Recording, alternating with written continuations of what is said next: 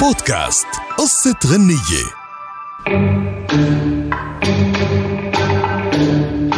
قصة أغنيتنا لليوم وحدة من أجمل ما غنت الفنانة الكبيرة الراحلة وردة الجزائرية ومن أجمل ألحان العبقري بليغ حمدي وهي بعنوان العيون السود.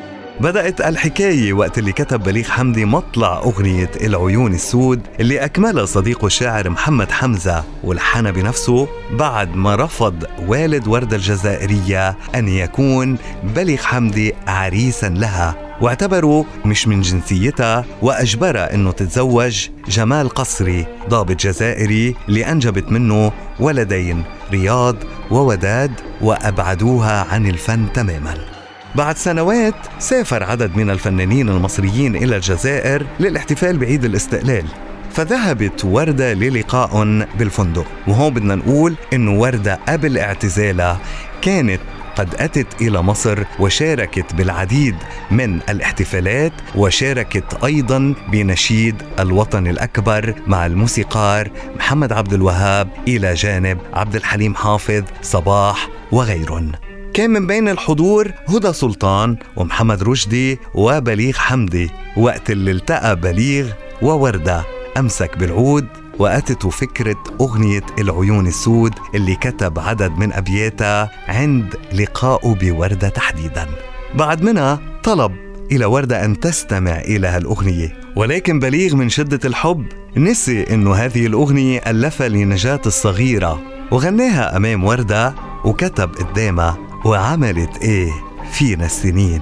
فرقتنا لا غربتنا لا ولا دوبت فينا الحنين. السنين وبحبك والله بحبك قد العيون السود بحبك.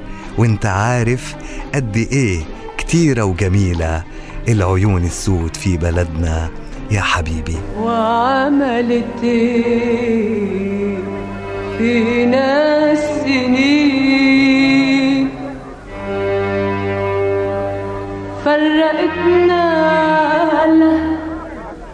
غيرتنا لا ولا دوبت فينا الحنين السنين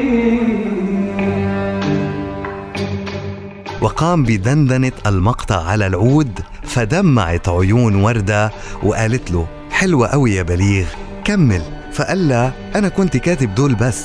فردت وقالت له لو كملتها هسمع كلامك وارجع مصر وغنيها. هون ما كان من بليغ حمدي إلا أن ذرف الدموع فرحا بهذا الخبر. كانت آخر كلمات بليغ حمدي قبل ما يغادر الجزائر. لوردة حرام عليك تحرمينا وتحرمي جمهورك من فنك. يا ريت ترجعي حساباتك. وشي قالته وردة حسب روايتها بأحد اللقاءات التلفزيونية. اللي صار إنه بنفس السنة رجعت وردة لمصر بعد انفصال عن زوجها بسبب إصرار على عودتها للغناء مثل ما وصاها بليغ. وكان هو أول المستقبلين لها بمطار القاهرة. وبعدها بدأوا سويا. طريق عودتها فغنت له بحفل أضواء المدينة أغنيتين من ألحانه العيون السود واللي جسد فيها بليغ حمدي حبه الكبير لوردة وأغنية والله يا مصري زمان. حققت هالأغنيتين نجاحا كاسحا جعلها تندم على ترك الغناء لمدة عشر سنوات وجاءت بالعروض على قدميها لوردة عروض غنائية سينمائية مسرحية ومنها عرض المخرج حلمي رفلة اللي تحمس لعودتها كتير وطلب منها إنه تشتغل معه بفيلم النغم الساحر على أن يتضمن أغنية العيون السود. وأثناء ذلك قامت المطربة الكبيرة نجاة الصغيرة برفع قضية على بليغ حمدي بحكم التنازل اللي معها عن أغنية العيون السود.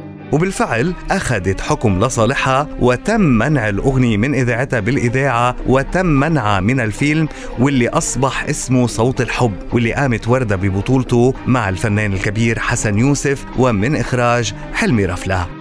بعد مرور فترة تم الصلح بين نجاة وبليغ حمدي وتنازلت عن القضية وبدأت الأغنية تذاع مجددا فحققت نفس النجاح اللي حققته بالحفل الأول. عم نحكي عن أغنية العيون السود. قال وجد الحكيم عن هالأغنية إن قصة حب وردة وبليغ وكتبت بأفكار بليغ اللي كتبها عن قصة حبه لوردة وكانت مخصصة تحديدا من أجل دفعة للعودة إلى الفن. مرة تانية وهيدا اللي صار ورح تبقى أغنية العيون السود واحدة من أجمل ما غنت وردة الجزائرية وأجمل ما لحن بليغ حمدي. بودكاست قصة غنية.